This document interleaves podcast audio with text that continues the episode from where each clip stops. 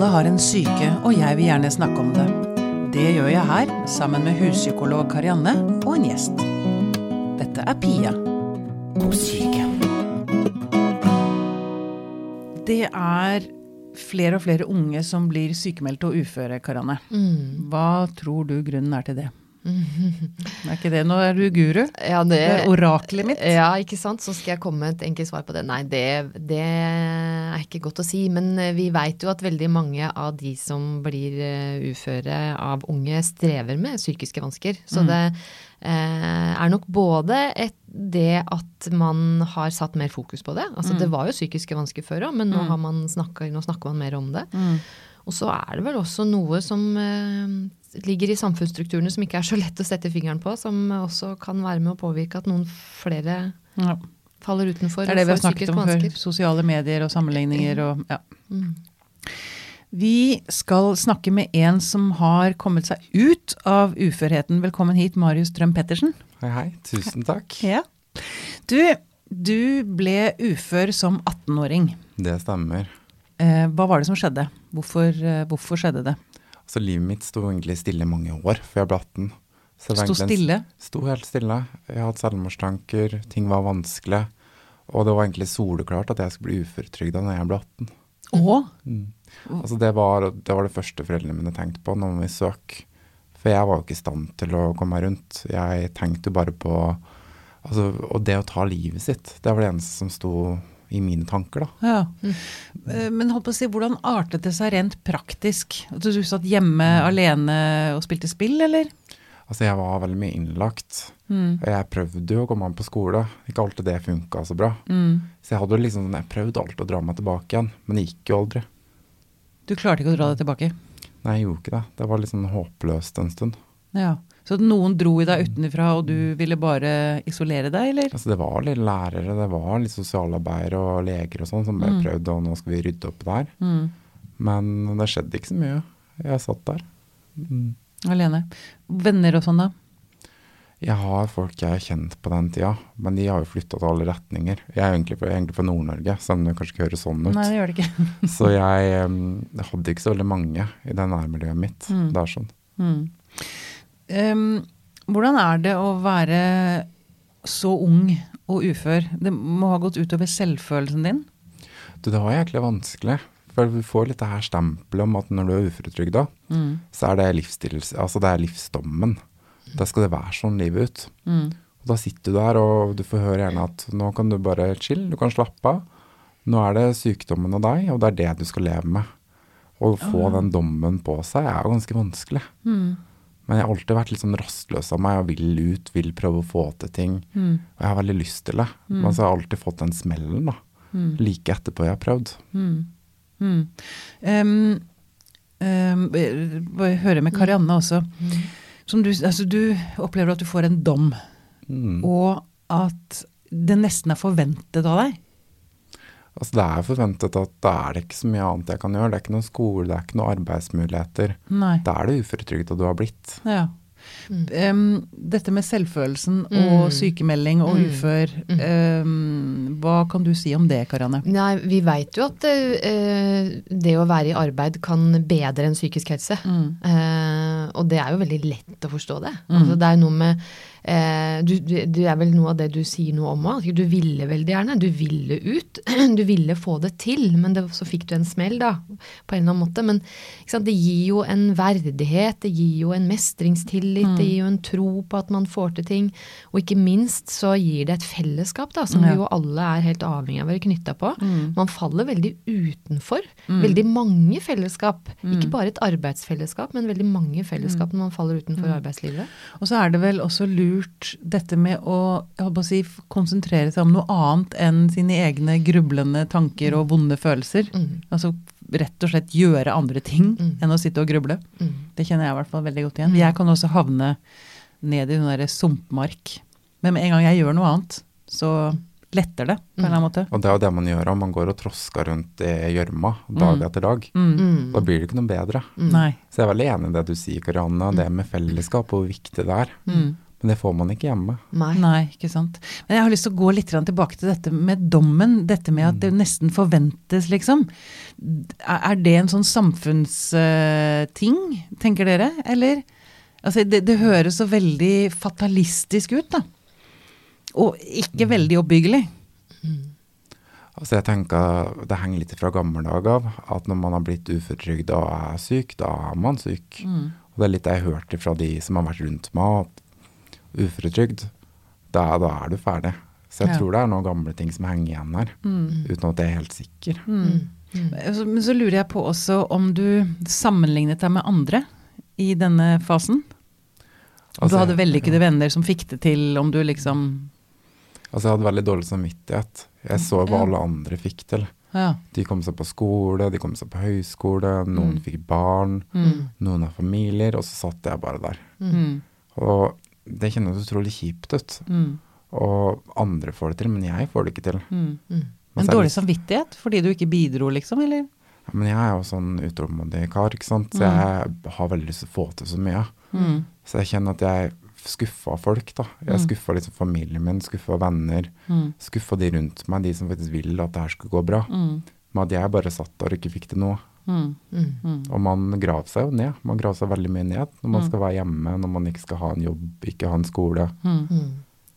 Ikke sant? Mm.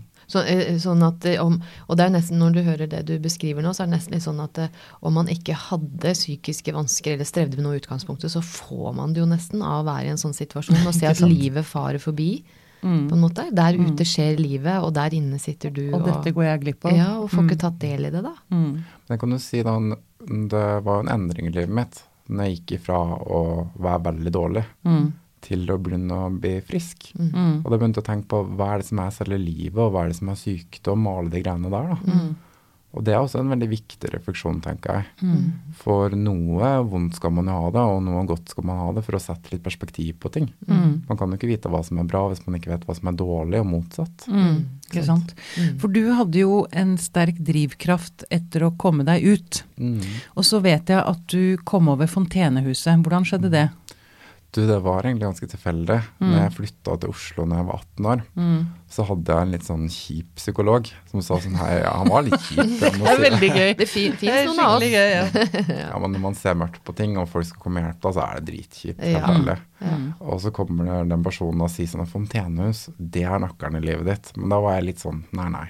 Mm. Ikke for meg akkurat nå. Mm. Men så gikk jeg og traska rundt, og ønsket mitt ja, var som sagt å dø. Det var det eneste jeg satt og tenkte på i mange år. For du hadde flere selvmordsforsøk òg, du. Veldig mange. Mm. Veldig vært, mange også, ja. Veldig mange. Jeg har vært multibruker på de fleste tjenester i, i Oslo. Akuttjenester. Mm. Så på det verste jeg kunne hatt rundt 10-15 innleggelser. Så det var flere ganger dagen på det verste. Men det jeg ikke forstår, det er hvis du ble lagt inn flere ganger Hvorfor slapp de deg ut igjen? Det skjønner jeg ikke. Altså, hvis det var liksom to-tre ganger om dagen da, enkelte ganger. Du bare var inne et par timer, liksom. Altså Jeg tror det også handla veldig mye om holdninger. Jeg prøvde å forstå meg litt på det, men når du får ulike diagnoser, så følger det også med litt stempler igjen for hva man kan gjøre. Mm. Og hvis du har veldig mye selvmordsforsøk, Mm. så er det ikke sikkert de kan hjelpe deg så veldig mye. Det er bare litt sånn Ja ja, her skjedde det igjen. Ja ja, du får gå ut igjen, da, så. Mm, Og så er det jo også sånn at eh, eh, det er ikke tvil om at den som strever med det, eh, er jo i behov av hjelp, men det er ikke sikkert at innleggelse er det riktige heller. Nei. Fordi um, i perioder så kan det enda er det, men det kan òg gjøre at man blir? Og så er det trygt akkurat innenfor de rammene, og så lager man veldig strenge regler og strenge rammer for å på en måte prøve å forhindre en fare. Mm. Men det er ikke sikkert at det er eh, trygghet, for det er jo det den som strever med dette her trenger. Det kan hende at det må lages på andre måter, da. Ja. Det er nok litt eh, også sånn man tenker. Det står det også i disse retningslinjene for hvordan man skal forholde seg til det. ja, akkurat. Det er ikke sikkert det alltid er det beste. Nei. Men øh, øh, hvilke diagnoser var det du fikk, da? Altså Jeg fikk en emosjonelt ustabil personlighetsforstyrrelse. Mm. Mm. Som med alvorlig prega impulsiv atferd. Ok. Og det slo seg ut i Eller det Så det slo seg ut i mange selvmordsforsøk. Ja. Det er det impulsi, impulsive, Veldig, liksom. Ja, Ja. Kaste ut veier og så videre. Ja.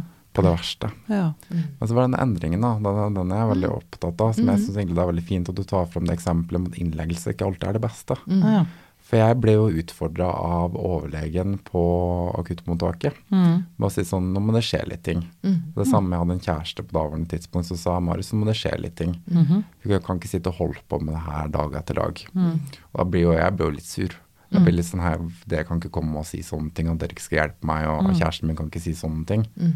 Men det var det jeg fant ut at hvis jeg faktisk skal ha et liv som jeg vil leve, Mm. så jeg må gjøre en endring. Mm.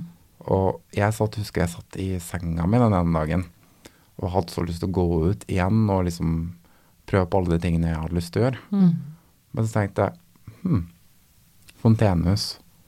Det var da det kom opp. Ja. Og det var sånn absurd tanke der og da. Det var en desperat et eller annet. Mm. Så jeg ringte jo liksom Fontenehuset og spurte om jeg fikk lov til å komme dit. Mm. Og de sa liksom ja, kom innom, vi er hjertelig velkommen, vi har lunsj snart. Og jeg gikk dit. Mm. Og det var da det begynte å skje endring for meg, når jeg begynte å se folk. Mm. Fikk venner, fikk se at jeg har dug til ting. Mm. Det kan få til ting, ikke sant. Mm. For jeg vet at de er, de er veldig Eller de er gode til å ta imot folk. Um, de er veldig sånne åpne armer. Og lite krav. Stemmer det? Altså, det er jo de beste folka. Du får, du får liksom kom, du forstyrrer din egen hverdag. Mm. Det er ikke noen sånne her forventninger på vis. Det er ikke noe sånn press at du må gjøre det, du må gjøre datt. Mm. Du får bli kjent med folk, du får gjøre de tingene du har lyst til å gjøre. Mm. Og jeg tror Det er ikke det, sånn du må være her fra åtte til fire, og du må prestere sånn og Nei, det er ikke sånn, og det syns jeg var litt deilig. mm. For jeg For meg var det veldig vanskelig å skulle komme seg ut til noe som helst på det tidspunktet. Mm. Mm. Så det i hele tatt bare få lov til å prøve litt og litt, Ja. Mm. og få se litt sånn utvikle meg over tid, Mm. det var ganske godt. Ja. B- Bare, hva er Fontenehuset for noe? Eh, Jeg vet at det er en stiftelse, og at de holder til flere steder i landet. Stemmer. ja. Fontenehuset er et arbeidsfellesskap Ja. for de som har hatt eller har psykisk helseutfordringer. Mm. Så det er jo drevet av mennesker som, som, som oss, da. Som har selv har som- stått i ting. Som selv har stått i ting. Mm. Som vil eh, komme på jobb tidlig om morgenen, lage frokost sammen, drifte her huset Mm. og styrke hverandre, rett og slett. Det er veldig flat struktur der òg, vet jeg. Og det er det som er digg, og du vet liksom ikke hvem som er ansatt og hvem som bare er medlem. Mm. Dere er rett og slett bare en eh, gjeng. En gjeng med folk. En gjeng med folk som har det hyggelig sammen. Hva gjør dere sammen, da? Altså Det kan være alt ifra å lage mat Mm. til alle medlemmene, Mm. Til å jobbe med konkrete prosjekter, f.eks. Verdensdagen. Blir Ja. annet arrangert av de på Tøyen, Ja. som er kjempekult. Da har noen sånne konkrete jobber med. Vi har også en del i forhold til media. Man lager sin egen husavis. Da gjør man litt sånn intervjuer, litt samtaler. Tror også de skal lage podkast, blant annet. ja. Mm. Nettopp. Så man får gå i gang med litt sånn konkrete prosjekter som man Ja. vil. Ja, nettopp. Så er det også en del faste oppgaver med drift av huset, sånn type ting man må, må gjøre, som va- vaske rundt vegger og Mm. tak og alt, alt det der praktiske, ikke sant. Ja. Og så- kan, er det ikke også sånn at man kan For en ting er alt det som er det arbeidsfellesskapet i huset, men at man også kan få veldig god hjelp der av noen som kan hjelpe deg enda et hakk videre. Bli med deg ut, eh, møte arbeidsgivere. Ja, hjelpe til med søknader. Ja, er ikke hjelpe det med å finne del jobber. av Mm. Det stemmer, de har en egen veileder, Mm. en eh, jobbkonsulent. De har også studiekonsulent også, Mm. som har vært med å hjelpe til. Og det har jeg også jeg fått lov til å snakke med. Mm. Og det er veldig godt å liksom ha den personen som har litt sånn insight-informasjon om hvordan arbeidslivet egentlig ser ut, Mm. og ha noe å drøfte med. Og de følger deg også litt grann inn i eventuelle jobber man begynner på, da. Det kan de også være med på. Mm. De kan også være med og følge til arbeidsplasser, de kan være med og leite etter arbeidsplasser. Mm. De har også en karriereklubb også som de har ansvaret for. Mm. Hvor bl.a. jobber med CV, søknader, forberedt folk på arbeidslivet. Mm. Det er mange av medlemmene som ikke har vært i jobb engang, som ikke vet hva en jobb er. Mm. Og da er det noe å lære om hvordan det her funker, alt det greiene der. Ja. Mm. Det er ikke så lett å forstå, forstå seg på det arbeidslivet hele tiden. Nei. Mm. Nei, det er jo Og sannsynligvis den blir kanskje en veldig skremmende verden når man ikke har vært i den, Mm. og man bygger seg opp masse sånne angstforestillinger da, rundt krav og Mm. Det er absolutt, Man sånn. vet jo ikke hva man kommer til. Nei, ikke sant. Da tror jeg det er veldig trygt. Mm. Det er veldig trygt å ha de tilbudene. Mm. Du var inne på noe du skulle si Nei, nå. ja, jeg, for jeg tenker sånn, det, jeg syns det du forteller om nå, det er så sånn godt eksempel på at eh, når um, man strever, da, uh, i perioder av livet, så er helsevesenet viktig. Uh, og vi som driver med psykoterapi f.eks., vet jo at det funker, og at det er betydningsfullt.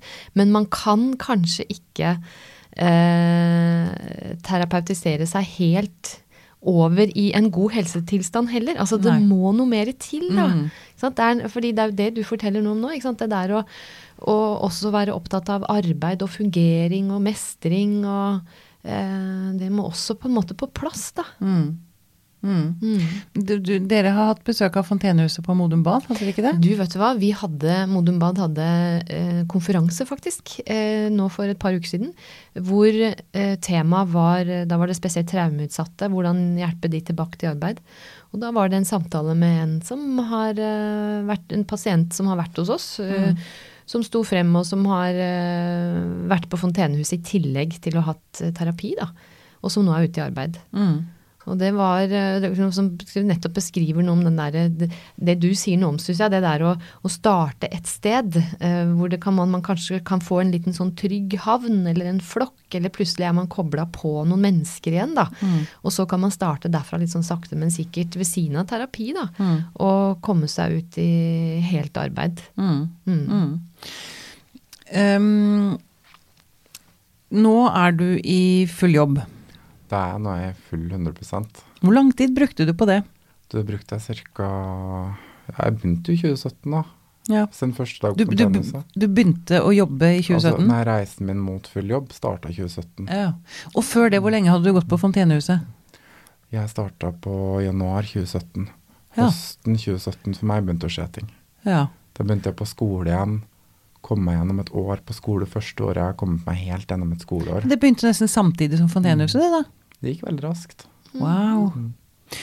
Stemmer det at Fontenehuset de har en ganske høy suksessprosent med å få folk ut i skole og jobb? Jeg tror jeg det var 40 det. Ja, det stemmer. Ja. Det gjør det. Mm. Jeg tror det er rundt 40, ja. Det er jo veldig, veldig flott. Jeg tror det er noe, noe som jeg også ser, er at folk booster hverandre også. Mm. Man ser at ja, hun får det til, han får det til. Ja, ikke da kan kan jeg også prøve på det. Ikke Og sant. se ja, men jeg har også mulighet til å få til tingene. Jeg vet jo noe om det. Ja. Da er det flere som kaster seg på. Selvfølgelig. Det ser jeg jo. Det er jo at man ser at det er mulig, ja. Mm. Istedenfor at man sitter sammen med andre uføre. Og ja. Mm. Akkurat. Hva er jobben din nå? Nå er jeg prosjektleder og erfaringskonsulent i By Oslo. I Ja. Oslo kommune. Så da hjelper du dem med da, Det- Hva konkret er jobben din? Du, Det er et veldig godt spørsmål. Det er nesten litt skummelt å svare på, for det, er, det er så mye. Oh, ja. Jeg hadde På det meste så hadde jeg fem ulike jobber i Oslo kommune og pluss pluss. Ulike stillinger. Men det jeg endelig har landa på å jobbe med, er det som heter ungdomsvennlige velferdstjenester. Det er rett og slett en modell for å jobbe med tjenester. Mm. Med hvordan man skal jobbe med helhetlig, og hvor man skal jobbe på ungdommens premisser. Ja. Det er rett og slett, Har dere hørt om Ung Arena? ja. Ja. Ung en er et samtaletilbud. Det var der jeg starta jobb i Oslo kommune. Mm. Jeg var egentlig frivillig, så fikk jeg tilbud om noen vakter, og så fikk jeg etter hvert noen presenter. Mm. Og så er det ført at jeg får lov til å være prosjektleder i dag. Mm. Og det, de, det de bygger på, er jo at man skal spørre ungdommen hva som er viktig for dem. Mm. Sant? Noe vi veldig glemmer. Og jeg ser jo når jeg jobber Når jeg møter veldig mye fagfolk, så jeg møter jeg de beste fagfolka som vet veldig godt hva, hva bruker Jeg er ikke så veldig glad i å bruke ordet bruker, men ungdom og voksne. ja, bruker jeg helt enig i. Det er et Ja, det er veldig, veldig dårlig ord. Mm. Men rett og slett det de ser, er jo behovene til eh, den som kommer inn døra. Mm. Men de har veldig sjelden spurt hva er viktig for det. Mm. Hva er viktig for deg nå, ikke sant. Mm. Og det er egentlig det jeg jobba med i min bydel. At vi skal bli tørre, flinkere til å se på hva er viktig for deg, og ikke tenke så mye på problemer. Men se heller på muligheter. Mm, Så jeg har tatt med meg masse, masse sånne verktøy. Ja, ja. Em, Og jeg tenker det må være viktig for ungdommen også å komme til en som selv har vært der. Det er jo det som ligger i erfaringskonsulent. Du har Mm. erfaringen. Er det, merker du det på ungdommen, eller? At de Altså, tror- stoler mer på deg fordi du selv har slitt?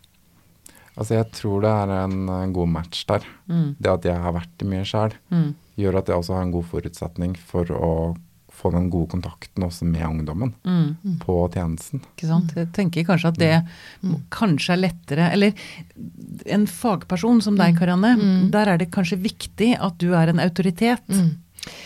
Eh, ja.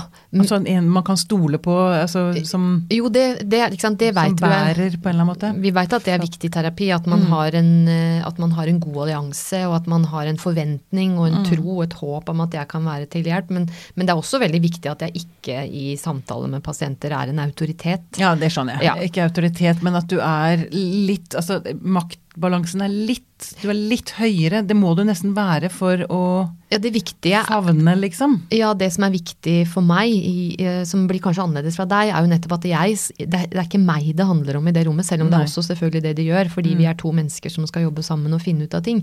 Men eh, de skal slippe å høre mine erfaringer. Ja. Jeg skal ikke ta opp eh, Dine det- problemer. Nei, eller det som har vært vanskelig for meg, eller hvordan jeg har gjort det. Altså det, det er et sånt frirom hvor det er deres eh, opplevelser og tanker og følelser og reaksjoner som, som gjelder, da. Ja. Så det er, bare, det, er, det er to forskjellige måter å gjøre det på, men eh, eh,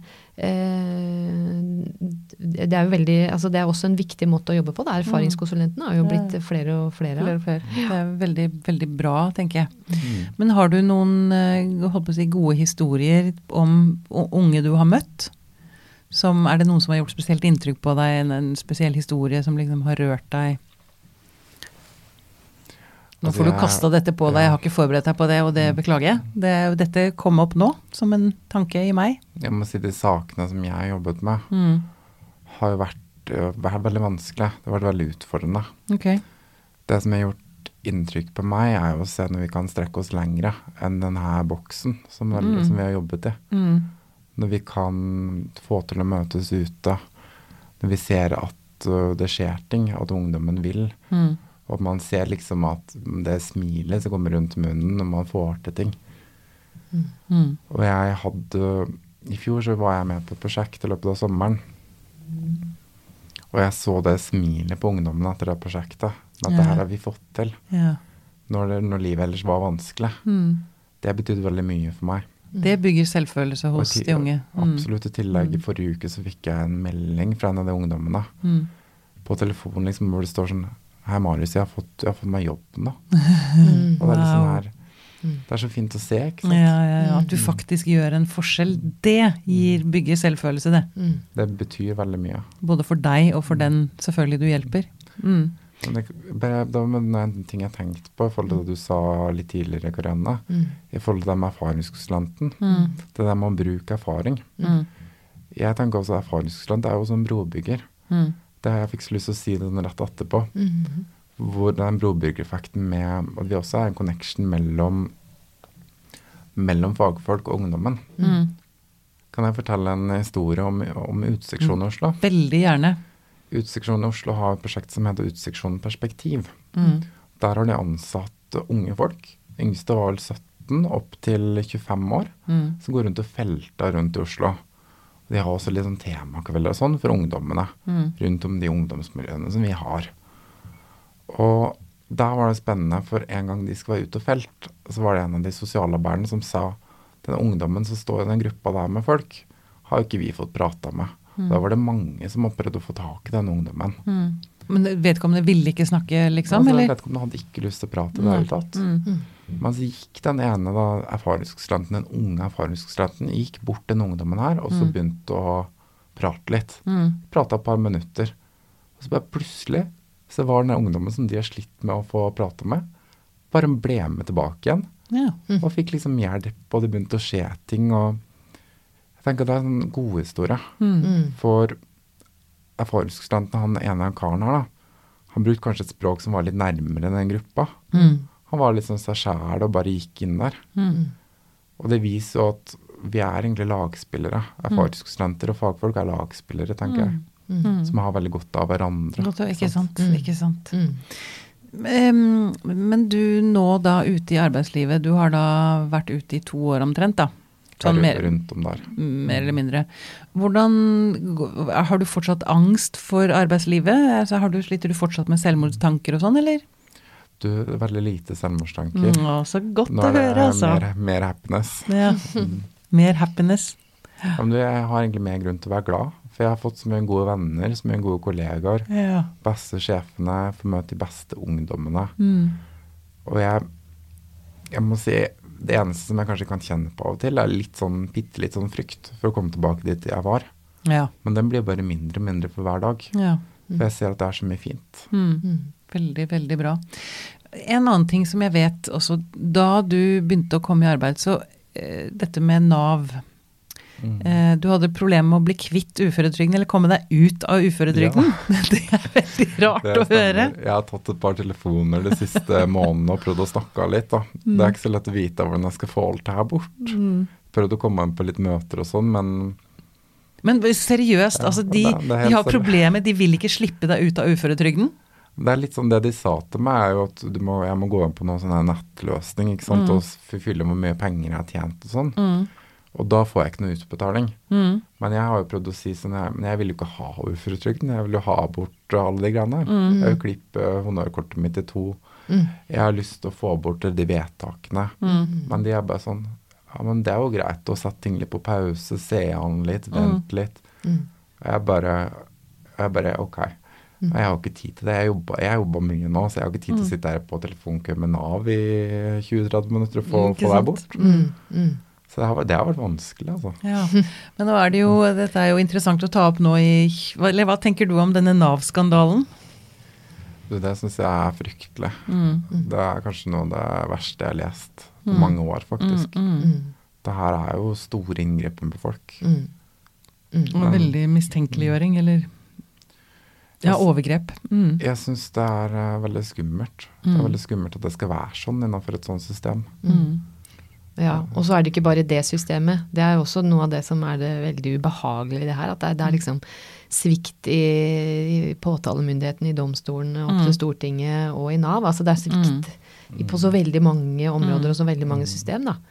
Og så tror jeg det er litt sånn jeg har også tenkt litt på når jeg har lest om det liksom de siste dagene, at det er Altså for jeg har sett at det har stått mye om det at det er kanskje særlig de ressurssvake dette har gått utover, da. Og det er jo for så vidt eh, per definisjon sant, men det er også noe med at vi, jeg syns ved at vi fort kan identifisere de som det, så kan vi også glemme å tenke at vet du dette kunne vært meg. Vi blir jo alle sykemeldt i perioder. Vi blir jo alle, Og så butter liv imot, og så, får vi, og så må vi kanskje være så litt på trygd innimellom. Altså, eh, eller arbeidsavklaringspenger. Så, så jeg, det, dette kunne også angått meg. Det tror jeg blir litt viktig at vi tenker i den Ja, saken her. Men tenker vi at det er, dette er litt sånn resultat av at byråkratiet har est ut ansvarsfraskrivelse, det går liksom, det er så mange involverte parter.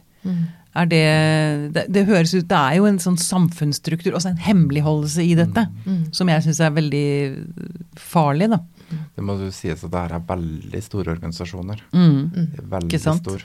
Mm. Altså Nav er jo et land av tjenester og avdelinger. ja. mm. Og det er Og vanskelig. Det er litt sånn Det virker innimellom litt sånn panstra. Altså det er vanskelig å slippe, som du sier, altså komme inn, få snakka med et menneske. Ja. Så det er vanskelig å vite hva som er hva. Mm. Nå har jeg vært heldig, jeg har jobba i kommunen øh, lenge, så jeg Mm. jo litt om Nav. Og fått mer innsikt og mer forståelse for alt som skjer. Mm. Men uh, altså, ja. Ja, nei, du for, men det, det interessante er jo at du forteller kanskje også allikevel en litt annen historie, faktisk, enn det veldig mange av disse helt forferdelig tragiske historiene som har kommet nå, da. Fordi du forteller jo om at sant, de vil helst holde deg i systemet, på en måte. Ja, det er veldig rart. Altså, det Nei, vi vil fortsette å betale masse penger til deg. Det er liksom jeg har tenkt med Nav, da. Da jeg snakka med, med en av sjefene mine, som også jobba i Nav før. Mm. Det her med at jeg savna, at man blir litt pusha på.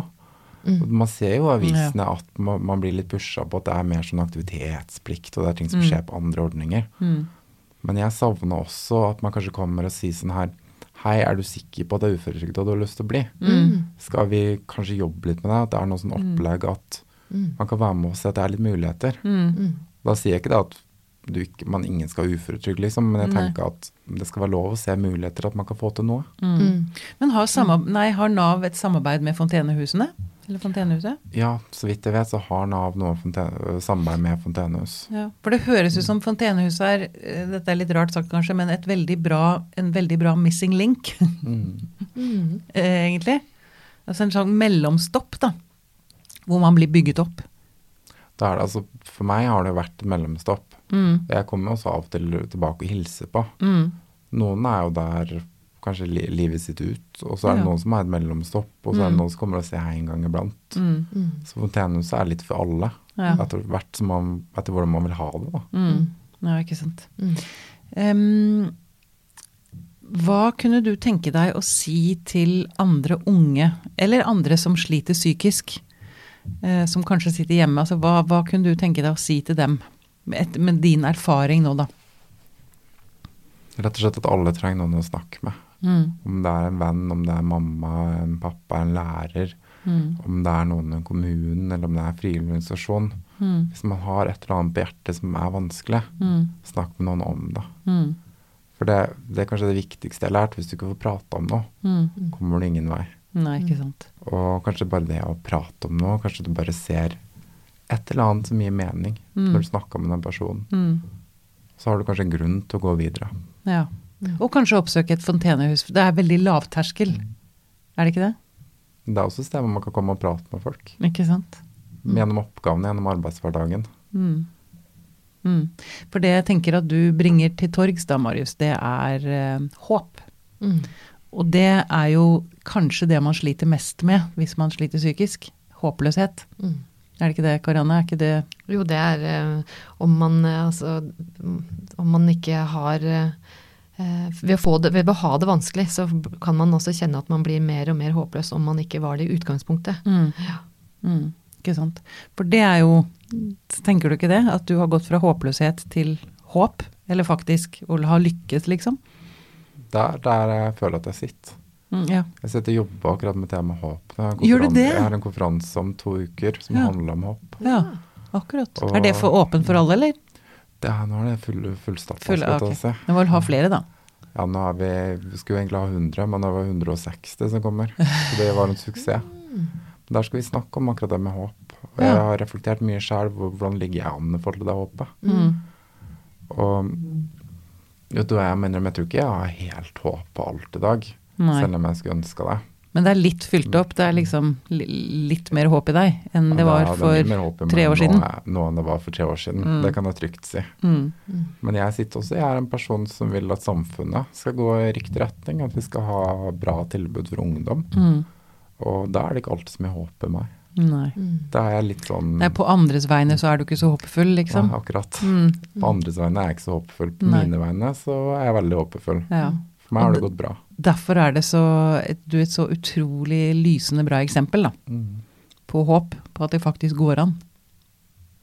Ja, og så tenker jeg fordi du, det du starter med, ikke sant, er hvor du beskriver hvordan, du var, hvordan det var for deg på et tidspunkt. Ikke sant? Det der å ha mange innleggelser, ramle inn på legevakta, bare ville ønske å dø hele tiden. Så er det jo liksom fra, fra mitt perspektiv, da, fra der hvor jeg liksom fra eh, psykoterapien eller psykiatrien eller helsevesenet eller hva vi skal kalle det, så er jo det sånn Hvordan skal vi best hjelpe de som strever på den måten? Mm. Hvordan skal vi møte de? Hvordan skal, eh, hvordan skal de få det bedre? Så tenker jeg sånn, Du sitter jo med noen erfaringer her, da, altså veldig, veldig viktige erfaringer. Mm. Fordi du har faktisk kommet deg over i en helt annen eh, tilstand. Mm. Ikke sant. Hva ville, du, hva ville du ønsket hvis du kunne liksom ha en linje rett inn i regjeringen? Eller hvis du var statsminister for en dag, eller en uke, eller en måned. Hva, hvordan ville du endra? Hva ville du gjort, liksom? Altså Svaret mitt er veldig enkelt. Ja. Vi må spørre de som bruker tilbudet, hva som er viktig for dem. Mm. Ikke bare hva de trenger hjelp, Mm. men også hvordan tilbudet skal se ut. Mm. Og så vet jeg at veldig mange av de tjenestene vi har i dag, er så fokusert på Nav. Det er liksom boligøkonomi. Hvis det er DPS-en, så er det kun psykisk helse. Det er, kanskje det er noen andre som gjør rusbiten. Mm. Altså, det er så delt opp, ikke sant. Mm. Og jeg skulle ønske at vi ble litt mer samla. Mm. At vi torde å være i lag, istedenfor å tenke at det her er mitt, det her er deres. Mm. Vi skal hjelpe med det, dere skal hjelpe med det. Mm. Og det tror jeg er en, en god er nøkkel. ja, det tror jeg. man kan få komme til ett sted, ikke sant. Ja. For, for, for dette minner meg om samtalen vi hadde med Heidi Tessan. Jeg har tenkt på det. um, og hun også reagerer veldig på det at man fort kan bli en kasteball mellom Mm. forskjellige, ikke etater, men hva heter Sektorer. det? Sektorer. Ja. Mm. Mm. Og det er ikke så innmari lurt. Altså, det er veldig vanskelig. Ja. Altså, er Slitsomt å måtte jung- fortelle historien sin igjen og igjen. Og, Det er jo ikke bare en jungel av tjenester. mm, Altså Hvis du er der dårlig, du vet jo ikke nødvendigvis sjøl hva du trenger da. Mm. Hvem skal du gå til for den ene tingen og den andre tingen? Ikke sant? Du burde kunne gå til én. Jeg tror ikke de som jobba innenfor alle de tjenestene, vet det sjøl engang. Nei. det sier, det sier noe. Fantastisk. Er det noe du har lyst til å si sånn avslutningsvis, eller Marius? Før eh, Som du har liksom ikke fått sagt? Det er kanskje kun en repetisjon. Mm. Det å snakke med noen og søke til fellesskap, og det å søke til folk. Mm. Som vi sagt, fontenehus. mm. det er andre steder. Det å komme seg ut og treffe mennesker. Mm. Det er så fort når man er hjemme og alene, Mm. ting er vanskelig, at man er kun der. Mm. Men jeg tror det å se det riktige mennesket er, er en god nøkkel Mm. til et godt liv. Veldig bra. Veldig bra, eh, Marit. Tusen takk for at du kom til oss, Marius Strøm Pettersen. Du er liksom et, et slags lys, du. I mørket. Tusen takk for det. Det var så fint sagt. veldig hyggelig å ha deg her.